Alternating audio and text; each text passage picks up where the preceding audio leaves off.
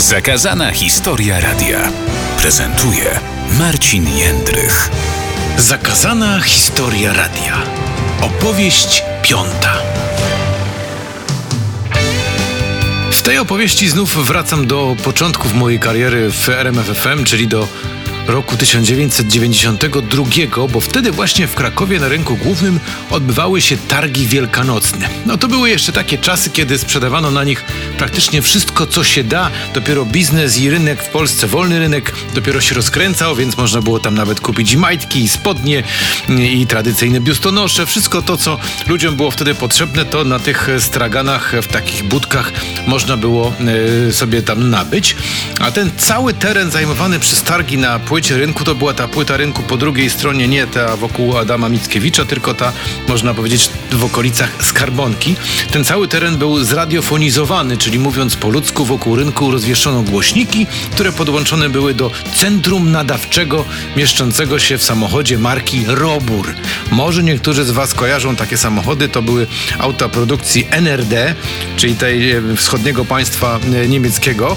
To były takie samochody wielofunkcyjne, bo one miały kilka takich no, podstawowych ról jak przewóz osób czy też przewóz e, towarów, ale były też takie właśnie robione specjalne, w którym znajdowała się cała ta technologiczna część związana właśnie z nagłośnieniem danych imprez i one były bardzo często wykorzystywane właśnie do takich imprez plenerowych, gdzie przyjeżdżał taki robór, on tam miał wszystko w środku, cały sprzęt, wystarczyło tylko podłączyć głośniki, czasami nawet chyba te głośniki jeździły razem e, z tym roburem, no i można było od razu robić nawet imprezę.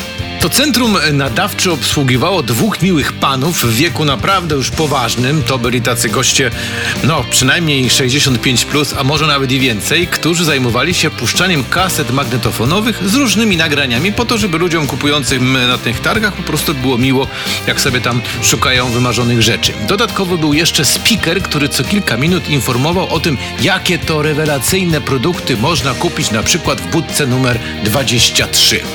No i wtedy już chemia niemiecka była bardzo popularna. To pamiętam jak dziś. No i tak się złożyło, że radio dogadało się z organizatorami tego kiermaszu i pracownicy radia mieli tam tak zwaną fuchę, czyli występowali w roli speakera. No i tak się szczęśliwie dla mnie złożyło, e, przecież ja byłem dopiero początkującym pracownikiem radia, młodym gościem, e, tam starsi ode mnie też chodzili, że jednego dnia po prostu miałem okazję właśnie pracować w roli takiego speakera razem z tymi dwoma sympatycznymi panami z tego Robura.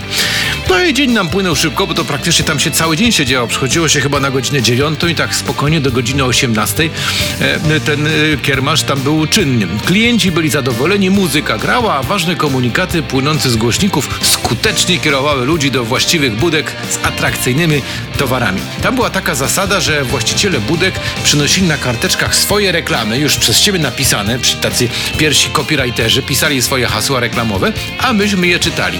To był taki plik karteczek y, i one były czytane po kolei, potem jak się doszło do ostatniej, no to znowu od początku, no taka e, talia kart, ale reklamowych, bo tak pod koniec dnia to ten plik był już dość spory, bo jak pozostali e, goście z innych budek słyszeli, że tam o tym koledze to już powiedzieli coś przez radiowęzeł, no to też oczywiście się mobilizowali, pisali jakieś sprytne hasło reklamowe, no i też taką karteczkę przynosili właśnie do Robura.